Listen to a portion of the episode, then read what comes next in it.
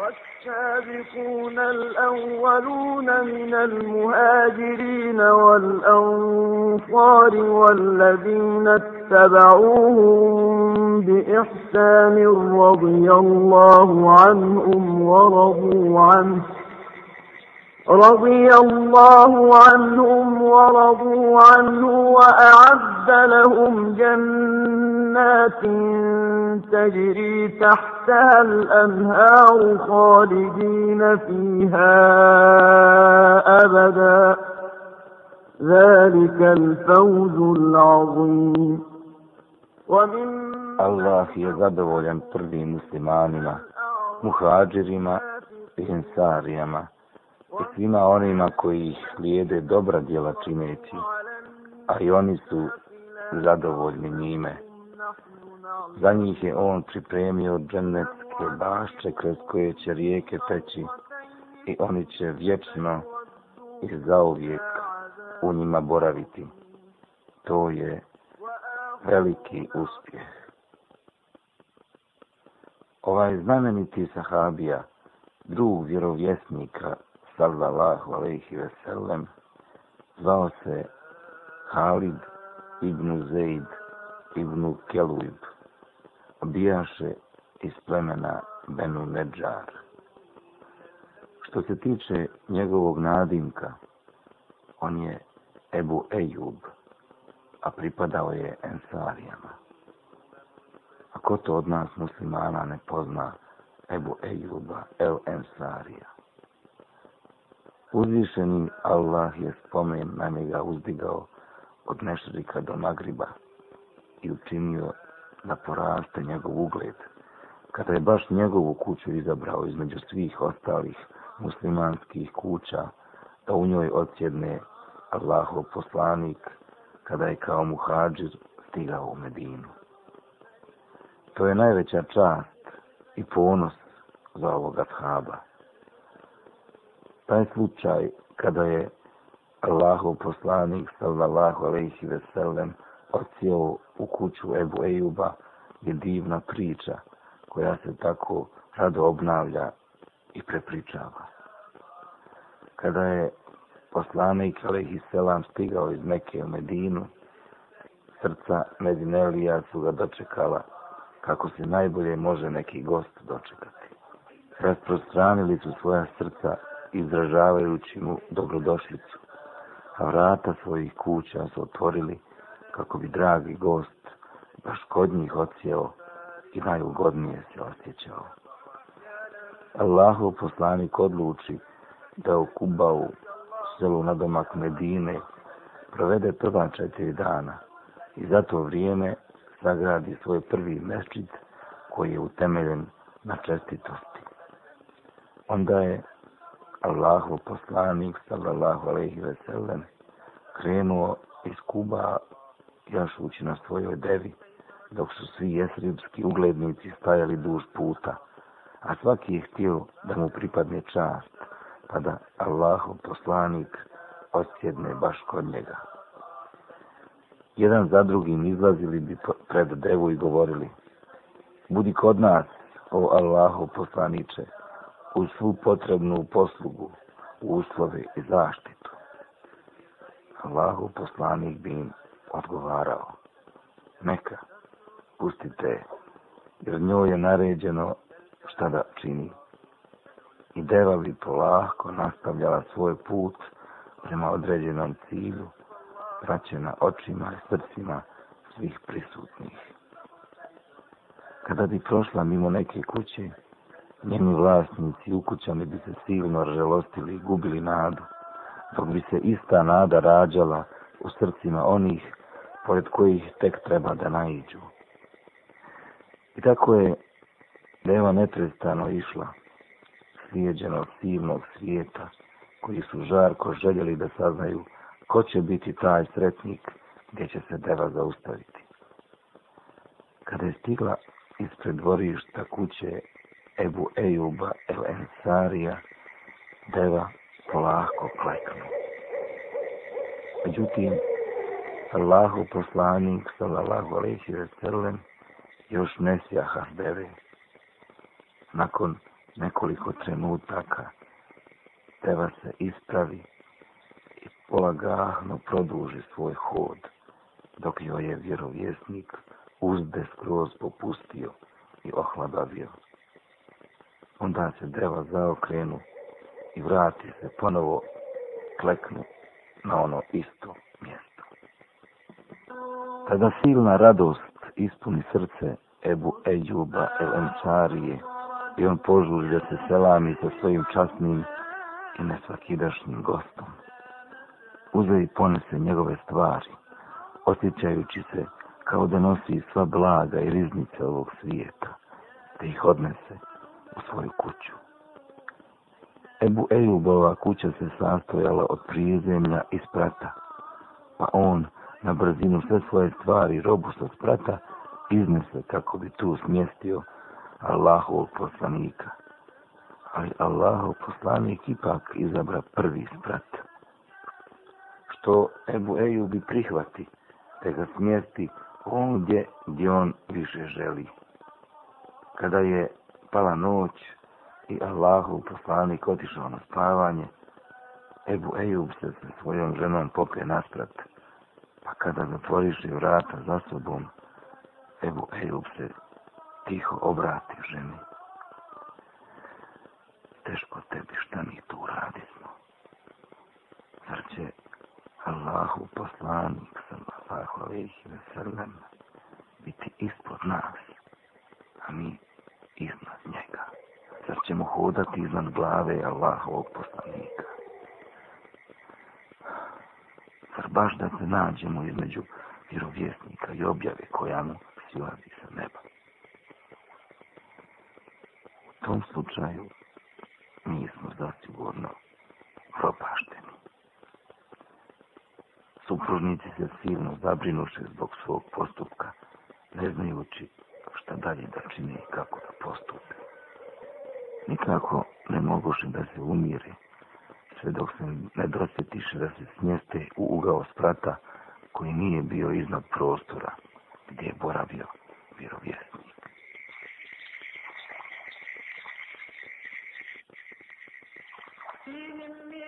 Oni se tu malo oslobodiše i otuda nikud ne pomakoše. A ako bi se kretali, višli bi samo krajevima sprata, strogo izbjegavajući sredinu kuće. Kada Ebu Ejub ujutro ustade, požali se Allahovom poslaniku. Tako mi Allaha sinoć oka nismo sklopili. Ni ja, ni moja žena. A zbog čega to Ebu Ejube? Pita vjerovjesnik. On odgovori. Sjetio sam se da sam ja na spratu kuće u čijem si ti prije zemlju, pa da kad god se pokrenem, na tebe će sipati prašina sa plafona koja će te uznemiravati. Sem toga, našao sam se između tebe i objave. Allahu poslanik onda reče, ništa se ne brini o Ebu Ejube. Nama je puno lakše da budemo u prizemlju, jer nam stalno neko dolazi u dijaret. Dalje priča je Ebu Ejub. Ja se opet pokorih želji Allahova poslanika. Sve kod jedne hladne noći ne pade jaka kiša od koje se slomi dio krova, pa voda poče da lije po spratu ja i moja žena skočili smo i pošto nismo imali ništa drugo sam jednog čaršafa kojim bi se pokrivali, s tim počeli smo skupljati vodu i služiti pod, bojeći se da voda ne procuri u prizemlje na vjerovjesnika. Kada osvanu ujutro, ja požurih Allahovom poslaniku pa mu rekoh, o Allahov poslaniče, ti si mi draži od oca i majke. Ja zaista ne mogu da živim iznad tebe, a da ti budeš ispod mene. Onda mu ispričah šta se desilo prošle noći, na što se on smilova, pa mi udovoljite se preseli nasprat, a ja i moja žena siđo smo u prizemlje. Allahu, poslanik, sallallahu alaihi veselam, provede u kući Ebu Ejuba nešto oko sedam mjeseci. Sve dok se ne završi gradnja njegovog mesđida na onom istom prostoru gdje je kleknula deva prilikom ulaska u Medinu. Onda se vjerovjesnik preseli u sobe koje se sagradiše oko mesđida za njega i njegove žene. On tada postade prvi komšija Ebu Ejuba i više je od običnog komšije. Ebu Ejub zavoli Allahovog poslanika iskrenom i srčanom ljubavlju, a isto tako i plemeniti vjerovjesnik zavoli Ebu Ejuba i koliko se s njim zbliži, da se u njegovoj kući osjećao potpuno isto kao u svojoj. Jednog žarkog popodneva, kada inače svak boravio u kući i nikud ne bi izlazio, Ebu Bekr neka je Allah zadovoljan njime, izađe u džamiju gdje ga ugleda Omer, neka je Allah zadovoljan njime, pa ga upita. Hojbu Bekre, šta te to natjeralo da izađeš u ovo doba? On mu odgovori, ništa me drugo nije natjeralo nego glad koja me mori. Omer dodade, tako mi Allaha, ni mene ništa drugo nije istiralo van kuće. I dok su oni tako razgovarali, najidje Allahov poslanik koji ih upita. Šta je tu vas dvojicu navjelo da izađete iz kuće u ovo doba?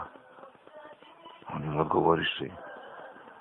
Allaha mi istirala nas je iz kuće glad koji osjećamo u stomacima vjerovjesnik dodade. Tako mi onoga u čioj ruci je moja duša. I mene je isto to natjerao da izađem iz kuće. Hodite sa mnom. Onda se sva trojica zaputiše i dođoše pred vrata Ebu Ejubove kuće. A Ebu Ejub bi svaki dan nešto pripremao Allahovom poslaniku za jelo. I samo ako bi puno kasnio, on bi onda tu hranu davao ukućanima da je pojedu. Kada dođuš u pred kuću, izađe žena Evo Eube i reče, dobrodošao Allahu poslaniče i ostali koji su s tobom. Vjerovjesnik je upita, gdje je Ebu Ejub? Ebu Ejub, koji je u Palmoviku u blizini kuće nešto radio, tu glas Allahovog poslanika, salallahu alaihi veselam, žurno dođe i povika. Dobrodošao Allaho poslaniče i ostali koji su s tobom. Onda nastavi. Pa ovo nije vrijeme tvog uobičajenog dolaska. U pravu si, složi se vjerovjesnik.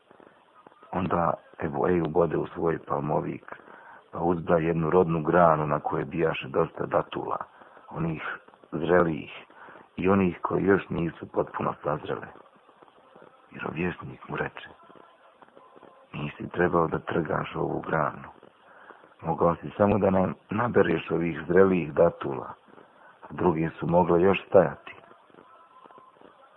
Ebu Ejub reče, o vjerovjesniče, meni je zadovoljstvo da probaš i jednih i drugih datula a sada idem da nešto zakoljem. A šta misliš, klati? Pazi na one koje daju mlijeko, dobiknu Allaho poslanik. Ebu Ejub zakla jedno jare, a onda reče ženi, spremi nam kruh i ispeci kako najbolje umiješ. Zatim pola jareta stavi da se kuha, a onu drugu polovicu ispeče. Kada hrana bi ispravljena i postavljena pred Allahovog poslanika sallallahu alaihi ve sellem i njegova dva druga, Allahov poslanik uze komad mesa pa ga stavi u lepinju i reče O Ebu Ejube, odnesi ovo Fatimi, jer ona ovako nešto danima nije probala. Kada se dovoljno najedoše na pojiše, Allahu poslani kreće. Kruh, meso, datule, one sazrile i one manje zrele. Njegove oči zasuziši dok je dalje govorio. Tako mi onoga učio je Rusi moja duša. To su te blagodati za koje ćete biti pitani na sudnjem danu. Pa, kada se nešto slično ovo me nađe kod vas i to zgrabite ili uzmete svojom rukom da me kažite ime Allaha a pa kada se najedete recite hvala Allahu koji nas je nahranio i koji nas je ovim blagodatima i nimetima počastio onda Allahu poslanik sallallahu alaihi ve sellem ustade govoreći Ebu Ejube sutra nam dođi običaj vjerovjesnika je bio da kada god mu neko učini dobročinstvo on bi nastojao da mu na to uzvrati istom mjerom pošto Ebu Ejub neču šta mu na kraju vjerovjesnik poruči Omer neka je Allah zadovoljan njime mu ponovo naglasi. Allahu poslanik, sallallahu alaihi ve sellem, ti naređuje da mu sutra dođeš. Slušam i pokoravam se Allahovom poslaniku, odgovori Ebu Ejub. Kada sutradan Ebu Ejub dođe vjerovjesniku, on mu dade jednu djevojčicu koja ga je dotada posluživala, pa mu reče, lijepo postupaj prema ovoj djevojčici, o Ebu Ejube, jer dok je god bila kod nas, mi smo od nje doživljavali samo dobro, a ništa drugo. Ebu Ejub se vrati kući, vodeći sa sobom mladu robinju. Žena ga upita, čija je to djevojčica? Naša, odgovori Ebu Ejub. Dao nam je Allahu poslanik, sallallahu alaihi veselam. Divan li onaj ko nam je to poklonio, a lijep nam je poklon i dao, dodade žena.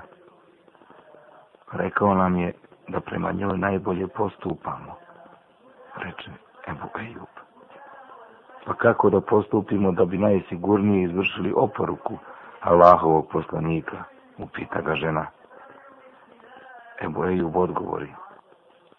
Tako mi Allaha, ja ne vidim bolji način da vjerovjesnikovu preporuku izvršimo, sem da ovu robinju skroz oslobodimo.